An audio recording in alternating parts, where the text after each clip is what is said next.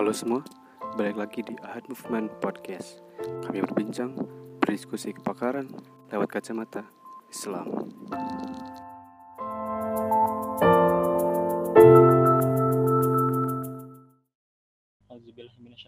Bismillahirrahmanirrahim.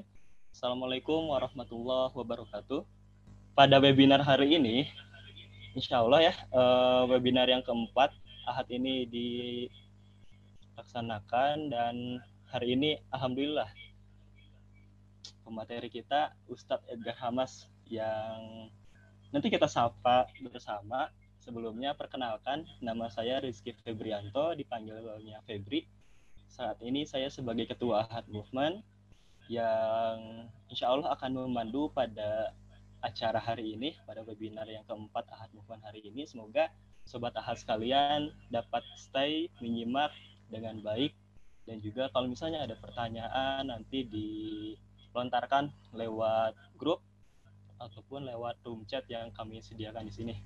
Di sini kita akan memperkenalkan Ustadz Edgar Hamas ini salah satu pakar dalam bidang sejarah yang senantiasa kita dengarkan, kita juga baca bagaimana dakwah-dakwah beliau melalui media sosial yang saat ini beliau sudah menimba ilmu di negeri Arab ya. Kalau boleh tahu di mana nih Ustadz? Mari kita sapa bersama ya. Assalamualaikum Ustadz. Waalaikumsalam warahmatullahi wabarakatuh. Nah, apa kabar nih Ustadz? Ahlan wa sahlan wa. Kif hal? Bagaimana kabar? Sehat ya, Mas Febri? Betul? Ya, betul. Ya. Ya. Kaifa haluk ya Ustadz? Khair, Alhamdulillah. Alhamdulillah. Subur, makmur. Wah. Sekarang Ustadz Edgar Hamas ini domisili di mana nih Ustadz? Uh, tadi Mas Febri ngiranya saya lagi di Saudi, padahal saya lagi di Bekasi ini sekarang. Di mana? Di Bekasi. Oh di Bekasi. Soalnya kemarin requestnya tuh Ya. karena eh, karena sedang beda waktu di luar negeri ya. Nah alhamdulillah sekarang beliau sudah di Indonesia dan saat ini pun beliau uh, Iya. Edgar Hamas uh, masih menimba ilmu di sana ya di negeri Arab. betul. Jadi karena pandemi ini, sekarang semuanya ini uh, semua yang kuliah di luar negeri online semua jadinya kita.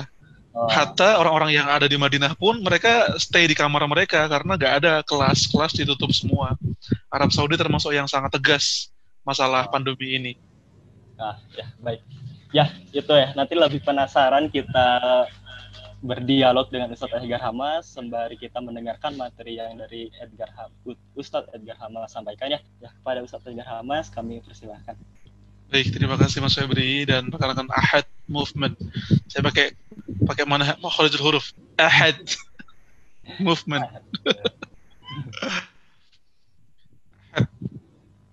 Ahadun Ahad. Ya. Itu adalah slogan pasukan muslimin di perang Badar. Slogan yang sama yang disampaikan Bilal bin Robah ketika beliau disiksa oleh majikannya Umayyah bin Khalaf. Bismillahirrahmanirrahim. Assalamualaikum warahmatullahi wabarakatuh. Waalaikumsalam. Teman-teman semuanya, mudah-mudahan dalam keadaan sehat, segala puji kita haturkan kepada Allah Subhanahu wa taala yang memberikan kepada kita kesempatan untuk bisa merasakan hidup menjadi manusia normal. Normal, teman-teman semuanya. Kenapa? Karena hari ini banyak. Jadi kita udah ngelihat sejarah berulang sekarang. Dulu ada kaum Nabi Lut, sekarang pun ada kaum Nabi Lut. Dulu ada penjajahan pasukan salib atas Palestina, sekarang ada penjajahan atas Palestina dengan pelaku yang berbeda, Yahudi. Banyak banget sejarah berulang, banyak banget pola sejarah yang berulang, dan teman-teman semuanya, eh, kita semua ada dalam rentang sejarah ini, dalam rentang zaman ini. Mudah-mudahan teman-teman semuanya kita minta pada Allah, ya Allah, jadikan kami aktor dan aktris sejarah. Jangan jadikan kami hanya sebatas sebagai penonton, bahkan kami berlindung padamu dari menjadi sampahnya sejarah.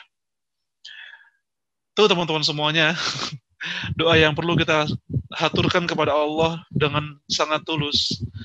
Kenapa teman-teman semuanya? Karena zaman semakin sulit, hard time creates good leader. Seharusnya zaman yang keras ini akan melahirkan pemimpin-pemimpin yang besar. Ya, teman-teman semuanya, pemimpin besar itu selalu belajar dari sejarah. Smart people learn from history. Dan ada sebuah pepatah, la mustaqbala liman la ya'rif madhiha. Tidak ada masa depan bagi orang yang tidak tahu masa lalunya. Kita tanpa sejarah itu, teman-teman semuanya seperti orang amnesia yang baru bangun di sebuah kasur dan dia lupa siapa dirinya. Nah, orang amnesia ini akan bertanya siapa saya, kenapa saya di sini, untuk apa saya hidup, dan sebenarnya saya ini tuh siapa, kenapa saya bisa kecelakaan. Sama dengan analoginya, kita ini umat yang amnesia, teman-teman semuanya. Kita ini tahu-tahu membuka mata sudah dalam keadaan Palestina dijajah. Saya saya berani jamin orang-orang yang ada di sini mata kepalanya dan telinganya tidak pernah melihat dan mendengar Palestina merdeka. Karena kalau misalkan ada yang seperti itu, berarti teman-teman semuanya usianya tua sekali. Karena Palestina itu direbut dari kita mulai sejak tahun 1917. Kemudian Israel mendirikan negara ilegal mereka tahun 1948. Sudah mau 80 tahun, teman-teman semuanya. Sudah mau berpuluh tahun. Tapi teman-teman semuanya, insya Allah, insya Allah justru Justru teman-teman semuanya kita perlu belajar dari sejarah sebagaimana orang amnesia itu butuh nanya-nanya ke orang yang dipercaya siapa dirinya sebenarnya. Kita perlu tahu tentang sejarah kita biar umat kita, biar kita itu melek. Bangun dari tidur, harus sembuh dari amnesia kita. Kita nggak akan bisa menjadi pemimpin dunia kalau kita masih lupa dengan siapa diri kita. Maka saya sangat suka dengan lagunya OST-nya eh, kartun Saladin sih di Malaysia. Ada yang tahu teman-teman? Ada. Adakah kau lupa kita pernah berpuasa? Adakah kau lupa? Kita pernah berjaya mengarungi dua per tiga dunia merentas benua melayar samudra. Itu lagu keren banget sih ada juga sekarang lagu lagu bahasa Arab yang lagi ngetrend di Arab. Jadi orang Arab ini mulai sadar lagi tentang sejarahnya. Uh,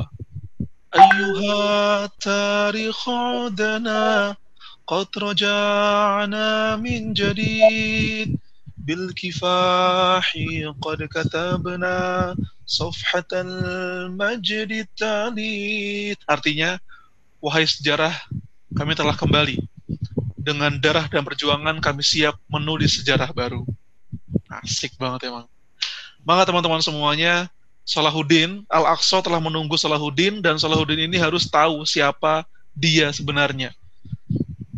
Teman-teman mudah-mudahan menjadi salah satu bagian dari generasi Salahuddin, gen Saladin. Oh yes. Nah teman-teman semuanya kita pada malam hari ini kita akan membahas tentang uh, apa jadinya dunia tanpa Islam. Kita akan membahas tentang Islamic Golden Age, masa keemasan umat Islam sepanjang masa. Saya ingin nanya ke teman-teman semuanya, umur umat Islam sudah berapa tahun? Ya, oke. Okay. Kira-kira jawabannya itu 1442 tahun ya, karena kita ngikutin kalender Hijriah. Kira-kira umur kita itu 1442 tahun. Itu kalau dibarat, diibaratkan sebuah anime, episode serial, kalau kamu suka nonton anime atau serial apa pun itu yang berepisode-episode, ya sinetron apa pun itu pasti dia ada episodenya banyak itu umat kita ini sudah melalui 1442 episode dengan bersambungnya, dengan klimaksnya, dengan turunnya, dengan konflik barunya, dengan bangkitnya semuanya. Tapi teman-teman semuanya ada masalah nih, ada masalah. Kalau kamu nonton anime, contoh nih teman-teman yang suka One Piece barangkali, itu ada episode yang penting tapi gagal ke download. Itu kesel apa enggak kira-kira? Padahal episode itu tuh Luffy lagi ngelawan siapa gitu yang itu benar-benar inti banget. Kalau kamu nggak ke kalau kamu nggak download episode itu kamu nggak akan tahu jalan cerita ke depan gitu. Kita pasti kesal banget kalau kita lagi nonton serial apa pun itu harusnya episode 8, 9, 10 tapi episode 9-nya hilang. Kesel karena kita jadi nggak tahu kisahnya gitu loh. Nah, teman-teman semuanya itu ibarat yang sehat untuk menggambarkan kondisi kita dan umat kita dan sejarah kita. Kita punya 1442 episode, tapi yang sampai ke kita cuma 100 episode terakhir. Kita nggak tahu awalnya gimana, kita nggak tahu tengah-tengahnya gimana, udah kayak kue donat aja gitu. Tahu-tahu kita bangun, lahir ke dunia, dan kita usia kita barangkali cuma baru 20-an tahun. Saya baru 25 tahun saya saya baru kebagian 25 episode dalam umat ini. Itu gambarnya kayak gitu. Kita lahir ke dunia, kita kalau saya umur 25, saya setidaknya sudah melihat, menonton dan menyaksikan dan menjadi saksi, jadi aktor dari 25 episode keumatan ini. Tapi saya saya tuh bingung, kok tahu-tahu saya nonton episodenya, lah kok Alaso dijajah, lah kok Uighur diberantakin, lo kok Suriah di bumi hanguskan, lo kok Yaman di dibombardir. Lah, duh, ini gue yang salah apa? Salah episode apa gimana ya? Kita bingung karena tahu-tahu kita kita lahir ketika episodenya udah jalan seribu tahun. Maka teman-teman semuanya, ikhtiar kita untuk belajar sejarah itu nyaris sama dengan ikhtiar kita buat, aduh, bingung nih sama episode yang segini lihat dulu episode sebelumnya biar tahu tokohnya siapa, kenapa bisa begini. Itu caranya. Dan itulah kenapa pentingnya sejarah. Yang serial kayak gitu, dia cuma bagi pelengkap harian kita, nonton serial tuh cuma pelengkap harian kita, tapi sejarah bagi kita itu biar kita tuh tahu apa yang akan terjadi di depan. Kalau kita tahu apa yang terjadi di masa lalu, dan kita hidup di hari ini, kita bakal nemuin pola. Kalau kita nemuin pola, kita akan mampu merumuskan kira-kira bagaimana masa depan akan terjadi. Orang kalau nggak pernah belajar sejarah, dia ngelihat Al-Aqsa terjajah, nggak mungkin muncul di kepalanya, masa sih Al-Aqsa bakal merdeka? Nggak mungkin deh, nggak mungkin. Israel terlalu kuat, Amerika terlalu tangguh, umat Islam berpecah belah, Palestina cuma sekecil itu. Nggak mungkin menang kayaknya deh itu kalau orang nggak pernah baca sejarah. Tapi kalau orang melihat sejarah set ke belakang, dia akan tahu bahwa Palestina itu dibebaskan dua kali oleh umat Islam. Yang pertama dibebaskan oleh Khalifah Umar bin Khattab. Betul. Jadi yang membebaskan pertama kali adalah Umar bin Khattab, kemudian bertahan sejak Umar ya, sejak Umar membebaskan Palestina, itu Palestina hidup dalam kedamaian, orang Yahudi boleh tinggal di situ, orang Kristen boleh tinggal di situ, orang Islam boleh tinggal di situ, bertahan kedamaian itu sampai 462 tahun, sampai dijajah lagi oleh pasukan salib selama 88 tahun dan dibebaskan kedua kalinya oleh jelas tahu ya Salahuddin Al-Ayubi. Jadi teman-teman semuanya bagi teman-teman Ahad Movement coba jiwai hari ini 20 September 1187. Di tanggal yang sama, beberapa ratus tahun yang lalu, Salahuddin al-Ayubi sudah sampai di gerbang Baitul Maqdis, siap mengepung Baitul Maqdis selama 12 hari, untuk kemudian tanggal 2 Oktober, Palestina, Masjid Al-Aqsa dibebaskan dari cengkraman penjajahan pasukan salib.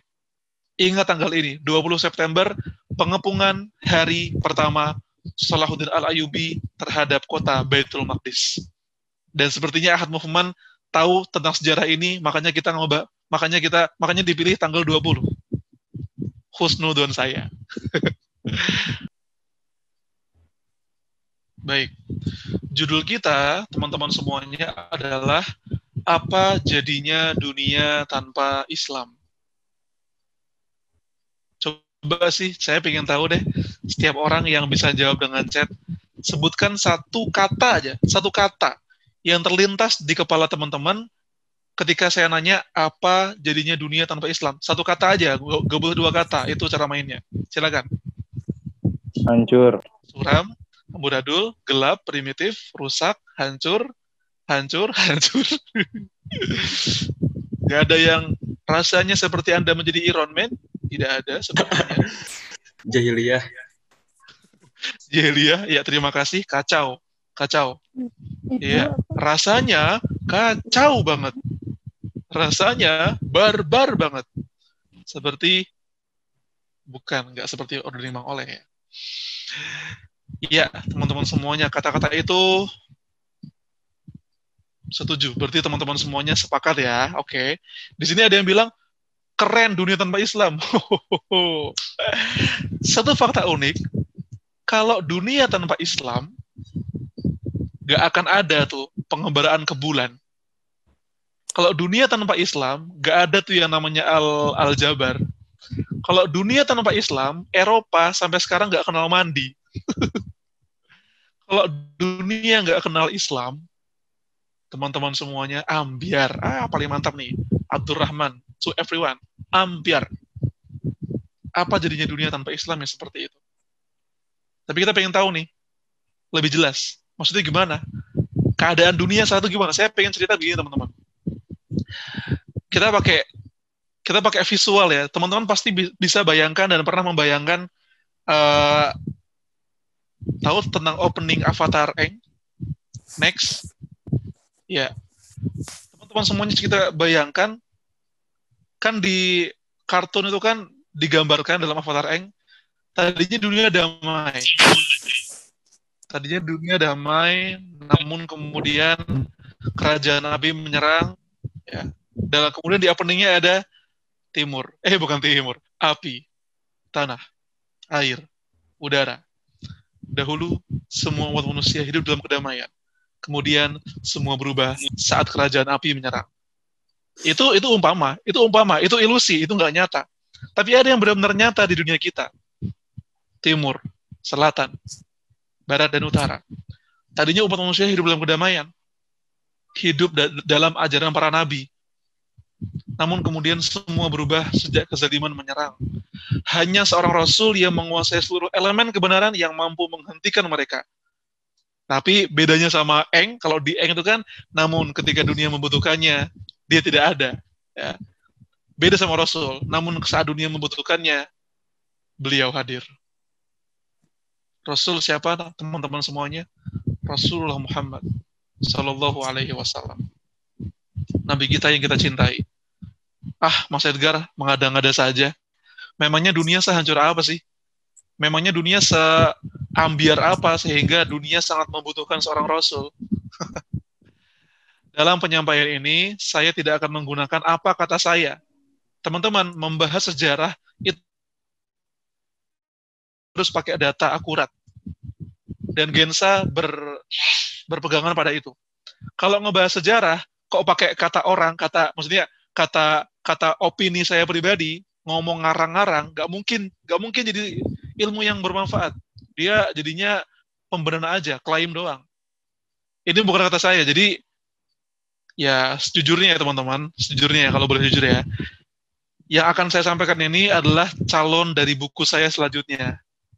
Jadi sebelum terbit, saya ambil beberapa yang saya anggap penting di sini. Ini saya kasih something special buat teman-teman Ahad pada malam hari ini. Ini ada akan menjadi isi dari buku saya di beberapa waktu ke depan. Sumbernya insya Allah sumber yang valid teman-teman semuanya. Dunia sebelum baginda Rasul Shallallahu Alaihi Wasallam, saya bacakan saja kata Yosef Trusen Rinat. Dunia saat itu terlebih Eropa dikelilingi dengan kerusakan dan dosa. Jadi saat itu kan Eropa itu memang dark age. Dan Eropa sendiri menyadari bahwa di masa-masa itu, bahkan di masa sebada Rasul, itu memang Eropa itu ada dalam zaman kegelapan. Ada memang nanti akan coba kita contohkan beberapa yang kita ambil dari sejarah contoh kenapa ada sebat, sepatu berhak tinggi, kenapa ada berhak tinggi, yang ada haknya itu loh sepatu. Itu asal usulnya karena emang dulu memang ada, tapi untuk bukan bukan untuk kelihatan tinggi, tapi untuk apa namanya menghindari kotoran-kotoran hewan atau bangkai tikus, bangkai hewan-hewan di jalan Eropa. Makanya ada yang membuat sepatu yang haknya tinggi gitu loh. Tujuannya bukan untuk kelihatan tinggi, tapi untuk menghindari bangkai-bangkai dan kotoran hewan itu. Salah satunya itu loh. Tak ada yang memperhatikan kebersihan. Nanti akan kita bahas. Tidak ada yang memperhatikan kebersihan sama sekali. Jadi benar-benar kota-kota seperti bakal calon kota London, Paris, kemudian kota-kota di Spanyol, itu jangankan rakyatnya ya, rajanya aja, teman-teman tahu satu nama yang saya yakin teman-teman semuanya gak asing dengan kata itu, Isabella. Yang dinyanyikan dalam lagu ST12. Dia Isabella lambang cinta dan prahara. Ratu Isabella itu cuma mandi dua kali seumur hidupnya. Ini fakta yang dibenarin sama sejarah Spanyol. Mandi dua kali, mandi ketika dia lahir dan mandi ketika dia mau mati. Dan dia adalah orang yang bertanggung jawab atas atas selesainya karir Islam di Andalusia tahun 1492. Dan dia yang mendanai Christopher Columbus untuk menjajah Amerika. Orang yang sama. Kagak pernah mandi. Pemberontakan, kebodohan, dan kemunduran serentak terjadi di Eropa. Penguasanya dolim, pajak-pajak, tinggi teman-teman semuanya. Kalau teman-teman apa namanya uh, lihat bagi di, bagi di sini yang pernah nonton Game of Thrones, kira-kira kayak gitu. Ya, zina terjadi di mana-mana. Sang raja itu dengan pengawalnya mencari gadis-gadis cantik di kota mana yang cantik diambil dari, dari orang tuanya, kemudian di mohon maaf dinodai kehormatannya oleh raja, kemudian dibuang gampang sekali membunuh anak, gampang sekali membunuh orang tua. Mengerikan sekali, benar-benar tidak berperi kemanusiaan. Apalagi di Romawi, teman-teman pasti tahu tentang budaya gladiator. Pernah nggak sih kita benar-benar coba memikirkan bagaimana bisa orang bertepuk tangan? Wih, keren, wah ususnya tuh kelihatan tuh, wow, oh mana? Bukan ususnya doang tuh, artinya keluar dia makan macan. Oh iya bener tuh, uh tuh matanya kecongkel sambil tepuk tangan pernah mikir kayak gitu tuh ada kayak gitu gak cuma di film-film macam apa namanya film-film psikopat aja zaman dulu terjadi orang Romawi bertepuk tangan melihat ada seorang manusia yang dicabik-cabik dagingnya oleh seekor singa dan mereka menganggap itu sebagai hiburan penguasanya dolim, rakyatnya suka berbuat aniaya. Ini tadi nanti, aduh saya lupa menulis apa kata Ahmad bin Fadlan. Jadi ada seorang sejarawan Muslim tahun tahun 800-an namanya Ahmad bin Fadlan. Ini valid. Ahmad bin Fadlan ini adalah delegasi dari negara Abbasiyah untuk meneliti dan menjalin hubungan dan mendakwahkan Islam sekaligus ke kerajaan Viking. Viking, teman-teman, bayangin. Zaman dulu tuh Islam sudah bersentuhan dengan Viking. Dan bahkan Abbasiyah mengirim dutanya untuk mempelajari dan mengajari Viking bagaimana cara hidup sebagai manusia beneran. Kenapa? Ahmad bin Fadlan ketika itu tahun 800 Masehi. Dia datang ke sana, teman-teman semuanya, ke tanah Viking. Gambarannya ya, rumah itu itu pakai pelepah pohon semuanya ya satu rumah itu bisa terdiri dari 20 orang keluarga bisa ada cowok cewek cowok cewek cowok cewek dan dalam dalam beliau menggambarkan dalam satu malam dalam satu malam itu satu perempuan bisa tidur di mana sama siapa suaminya nggak peduli gitu loh. Uh, aduh ya Allah. Parah banget sih gitu. Jadi sang istri bisa diapa-apakan oleh pria lain dalam satu rumah dan suaminya itu diam saja. Dan itu terjadi di banyak rumah di Viking. Makanya Ahmad bin Fadlan itu datang sekaligus buat berdakwah kepada mereka. Dan makanya Gensa pernah ngepost, masih ada peninggalan-peninggalan koin-koin Abbasiyah dan beberapa perhiasan Abbasiyah yang tertinggal di Viking sana. Tidak ada orang bicara tentang pendidikan.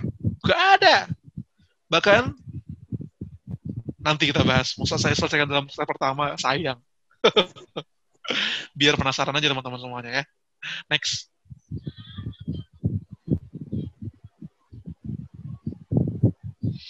Teman-teman semuanya kita akan lihat kondisi Eropa. Jadi, saya akan coba menggambarkan dunia sebelum Rasul saja ya. Dunia sebelum Rasul, di mana-mana, di beberapa tempat. Sekarang kita bahas bagaimana di Eropa secara khusus. Ya, di Eropa. Seorang dokter Inggris yang juga sejarawan, Dr. Robert Stephen Briffault, dalam bukunya The Making of Humanity, menambahkan, Eropa saat itu dalam keadaan pekat dan gulita. Keadaannya lebih parah daripada masa-masa sebelumnya. Memang ada sempat ada kejayaan Romawi dan Yunani. Sempat. Dan itu, keren sekali. Saya acungi jempol. Memang bagus. Di sisi-sisi infrastrukturnya. Cuma dalam sisi-sisi apa etikanya ya sama aja. Ya nggak benar juga. Wah, hilang slide-nya. Peradaban-peradabannya, teman-teman semuanya, itu banyak yang hancur karena peperangan. Jadi di Eropa itu sering sering sekali terjadi perang saudara. Sering terjadi perang saudara yang membuat kota-kota itu hancur, lebur. Dan teman-teman ketika sebuah kota hancur, apa yang terjadi? Wah, Masya Allah. Itu mungkin kenapa yang membuat bangsa Eropa ketika mereka datang ke Palestina, jadi kan saya tadi bilang, ketika Umar membebaskan Baitul Maqdis, Islam bertahan selama 462 tahun sampai kemudian dijajah lagi oleh pasukan salib.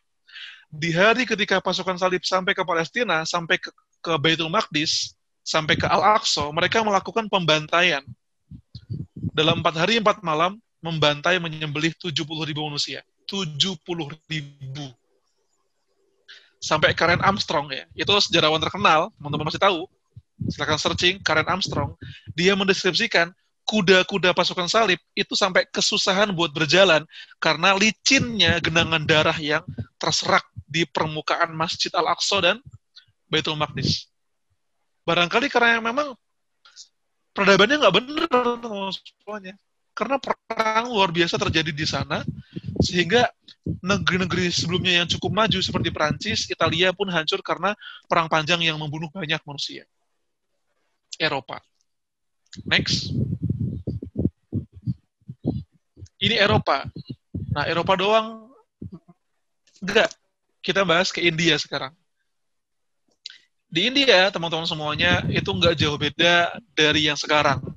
Kalau India sekarang itu memang satu sisi mereka maju buat roket, buat kapal selam, ada Bollywood, ya kan, ada film-filmnya, film-filmnya pun cerdas-cerdas, kayak Sri Idiot, kemudian siapa lagi sih film yang pintar-pintar tuh, apa sih banyak lah pokoknya saya juga kurang paham. Oh Persia dulu. Persia teman-teman tahu di mana Persia sekarang? Saya kasih pilihan. A. Afghanistan dan India. B. Irak dan Iran. C. Iran. Palestina dan Mesir. Iran. Iran. B. Ya. Iran dan Irak. Jadi Persia berdiri di tanah yang sekarang adalah Iran dan Irak dan sebagian Afghanistan dan juga ke beberapa ke atas ke ke sebagian Cina dan ke sebagian Rusia itu wilayah terbesarnya. Jadi kan kenapa saya sebut Romawi, Eropa dan Persia karena dua wilayah ini merupakan dua wilayah yang sangat maju di masanya, dianggap sangat maju. Dianggap sangat maju sehingga apa namanya? Ketika Rasul Muhammad Shallallahu Alaihi Wasallam diutus, Romawi dan Persia itu sedang menjadi dua kerajaan superpower. Sebagaimana kita sekarang melihat ada Amerika, ada Rusia. Nah, tapi semaju-majunya Persia Romawi itu, aduh, lihat besarnya kekuasaan Persia membuat raja mereka mengklaim diri sebagai dewa ya kalau sebenarnya film nggak bisa jadi referensi. Cuma kalau teman-teman membayangkan bagaimana bisa lihat film 300 karya Zack Snyder. Itu film di mana Raja Leonidas Raja Sparta This is Sparta! Melawan tentara Persia yang dipimpin oleh Xerxes. Itu memang film nggak bisa jadi referensi. Cuma buat membayangkan saja betapa orang Persia ini mendewakan raja mereka dianggap anak Tuhan teman-teman semuanya. Tuh, pajaknya berat, tinggi, rakyat tidak bisa hidup sebagai manusia bebas, terbagi menjadi tujuh kasta yang mana 90% rakyatnya hidup sebagai kasta paling bawah. Gak cuma di situ teman-teman semuanya. Dr. Roghib Sirjani menjelaskan bahwa keadaan Persia ketika Rasul Muhammad Wasallam diutus begini. Teman-teman bisa lihat gambarnya kan gambar raja ya. Gambar raja di sebelah kanannya itu adalah kasta-kasta para penyihir, kalau tidak para saudagar. Nah, ini cara ini cara rakyat kalau mau ketemu raja. Ini saya ceritakan dari bukunya Dr. Roger Sirjani. Ketika seorang rakyat Persia ingin bertemu dengan raja, maka rakyat ini harus berdiri paling maksimal 10 meter dari kursi sang raja. Tidak boleh dekat-dekat. Kenapa? Karena raja takut ada kutu rakyat di bajunya yang nempel ke baju raja. Satu. Dua, ketika rakyat ingin menghadap raja, maka sang pengawal akan membuat sebuah batas. Batas. Batas seperti kain. Kenapa? Karena sang raja khawatir kalau nafasnya si rakyat akan meracuni sang raja. Gila emang. Gila banget, gila banget. Saya kira tuh ada yang nanya bukunya buku apa mas? Saya saya melihat dari muhadarah beliau. Jadi itu bukan buku sih. Pertamanya muhadarah beliau muhadarah itu ceramah beliau ya kemudian dituliskan dalam situs www.islamstory.com itu situs sejarah berbahasa Arab. Itu teman-teman semuanya itu keadaan Persia oh, susah banget dijelasin emang makanya subhanallah ketika umat Islam kemudian sampai ke Persia sebagai pembebas, orang Persia itu banyak yang menyambut dengan sukacita. Karena pajak jadi hilang, berganti zakat, berganti jizyah. Yang mana jizyah itu lebih ringan dari zakat. Zakat itu kan 2,5 persen. Jizyah itu bisa lebih ringan dari itu, bahkan jizyah bisa dihilangkan. Senang orang Persia. Gitu tadinya ada kasta-kastaan, ini kasta penyihir, kasta dermawan yang boleh masuk ke sini hanya orang ini. Ketika Islam datang, apa misi Islam ketika mereka datang ke Persia? Dijelaskan oleh seorang tentara muslim, seorang sahabat bernama Ribai bin Amir. Beliau berkata, Nah nunati lihamlin nas min ibadatin nasi ila nas ila ibadatin nasi li nas. Es, es, es, es, esnya enak ya.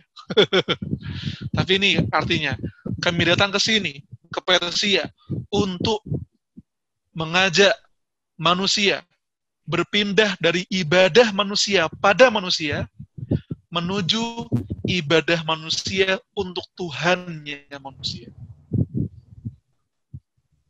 Keren nggak? Kalau ada meme Tuk Life, barangkali saat itu sudah Tuk Life ya, Sang Rib Ibn Amir. Kan nggak gue ngomongnya kata Bibi Amir. gitu teman-teman semuanya. Maka Islam ini menjadi solusi yang luar biasa dinanti oleh orang-orang. Nanti akan saya ceritakan fakta penting Andalusia. Kenapa Islam sangat cepat diterima di Andalusia. Oke, okay? next dulu. Nih kalau saya ceritakan semuanya sebenarnya nggak cukup waktunya, tapi saya akan pilihkan beberapa yang penting saja. India pun seperti itu. India juga berkasta-kasta, ya semuanya, hampir semua pekerja diberlakukan zalim dengan pajak yang tinggi, seorang laki-laki bisa menjadikan istri dan anak perempuannya jadi taruhan judi. Jika mereka kalah judi, maka istrinya akan ia berikan pada sang pemenang.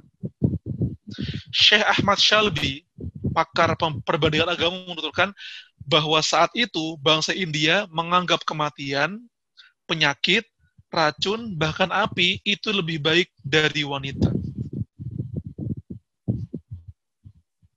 Bagi orang-orang yang menganggap Islam tidak memuliakan wanita, educate yourself. Sepertinya belum belajar lagi, belum lihat sejarah sepertinya. Next. Nah, teman-teman semuanya, tadi saya sampaikan di Eropa bagaimana, di Persia bagaimana, di India bagaimana. Itu kan peradaban-peradaban inti yang ada di dunia saat itu ketika Rasul Shallallahu Alaihi Wasallam diutus. Teman-teman tahu, teman-teman semuanya, ketika dunia sehancur itu, ketika dunia sebobrok itu, seambiar itu, kenabian terputus. Lama manusia menunggu sang nabi. Kapan datangnya? Teman-teman tahu jarak antara diutusnya Nabi Isa sama Nabi Muhammad berapa tahun? Saya kasih pilihan lagi. A. 100 tahun. B. 600 tahun. C. 800 tahun. 600, Kang. 600, iya. Jadi bayangkan teman-teman semuanya, selama enam abad manusia mencari-cari, meraba-raba, kenapa, ke mana aku harus mencari kebenaran. Banyak orang yang masih mengikuti agama Nabi Isa, banyak. Termasuk di antaranya ada Warokoh bin Naufal, apa uh, sepupunya Khadijah yang mengabarkan pada Nabi bahwa beliau adalah Nabi. Kemudian ada beberapa orang tua orang tua sahabat yang gak ketemu Nabi, cuma masih dalam agama Tauhid, banyak, banyak. Bahkan beberapa orang Eropa di masa Rasulullah itu wafat sebagai orang yang bertauhid. Di Mesir pun demikian. Jadi banyak orang yang masih mempertahankan tauhidnya.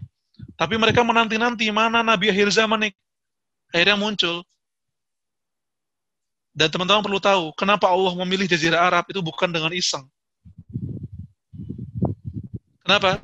Karena Jazirah Arab itu ada di tengah-tengah dunia.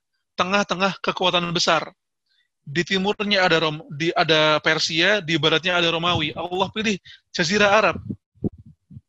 Dan ini penting sekali untuk diketahui. Orang mengira tokoh besar lahir dari peradaban yang besar. Tapi Allah Maha Kuasa memilih nabi terakhir dari sebuah kota yang sama sekali tidak pernah dianggap hebat oleh Romawi dan Persia. Makkah Al-Mukarramah. Tempat di mana Nabi Ibrahim meninggikan pondasi Ka'bah, tempat di mana Nabi Adam membangunnya. Ka'bah Al-Musharrafah. Di situlah Rasul Muhammad Shallallahu Alaihi Wasallam lahir dan selama 23 tahun lamanya Rasul membawa risalah Islam dengan ayat pertama turun. Uh, jumhur ulama menyepakati bahwa ayat pertama yang turun adalah Iqra bismi rabbikal ladzi khalaq. Bacalah dengan nama Tuhanmu yang menciptakan. Selama 23 tahun itu, Rasul Muhammad wasallam rinciannya 23 ini saya ingin nanya, yang di Mekah berapa tahun teman-teman? A. 10 tahun, B. 12 tahun, C. 13 tahun.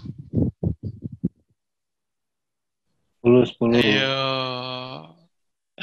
Ayo, ya jawabannya adalah yang benar. Rasul berdakwah di Mekah selama 13 tahun lama. 13 tahun di Mekah, Rasul mendapati apa namanya tantangan yang luar biasa.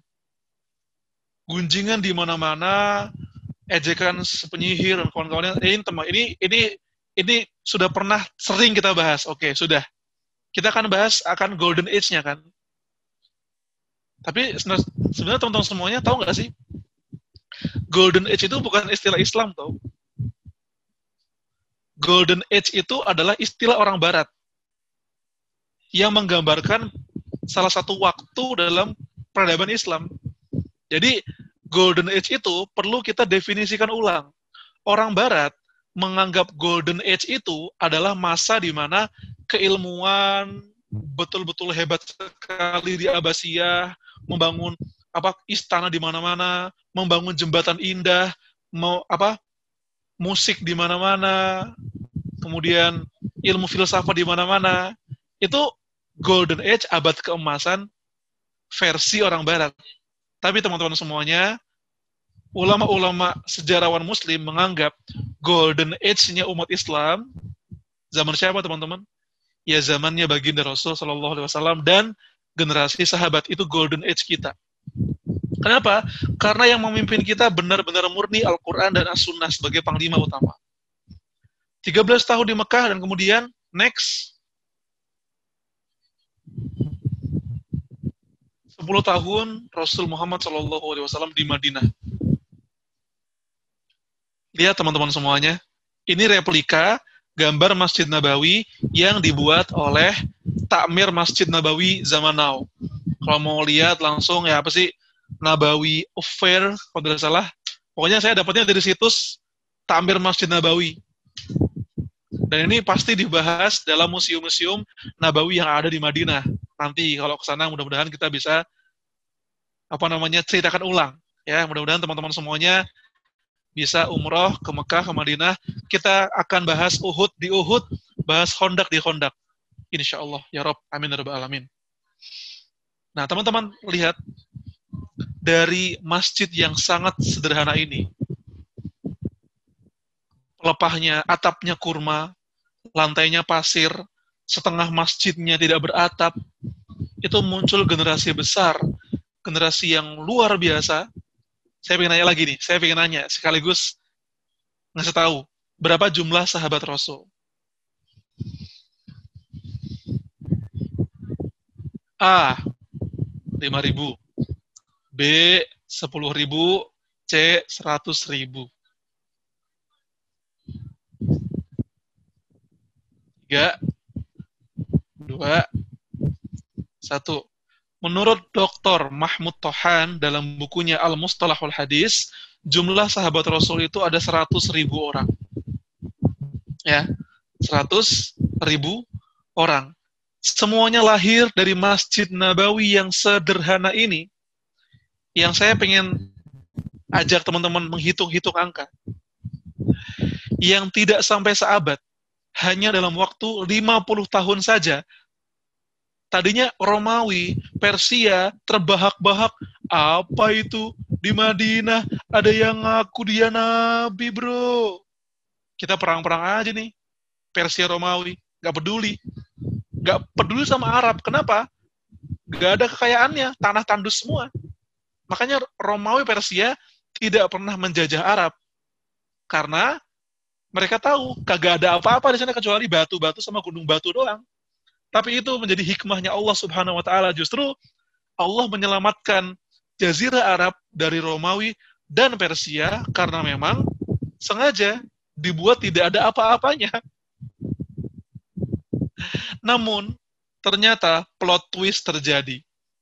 Ya, biasanya tokoh utama itu muncul dari tempat yang tidak disangka-sangka. Ya kan?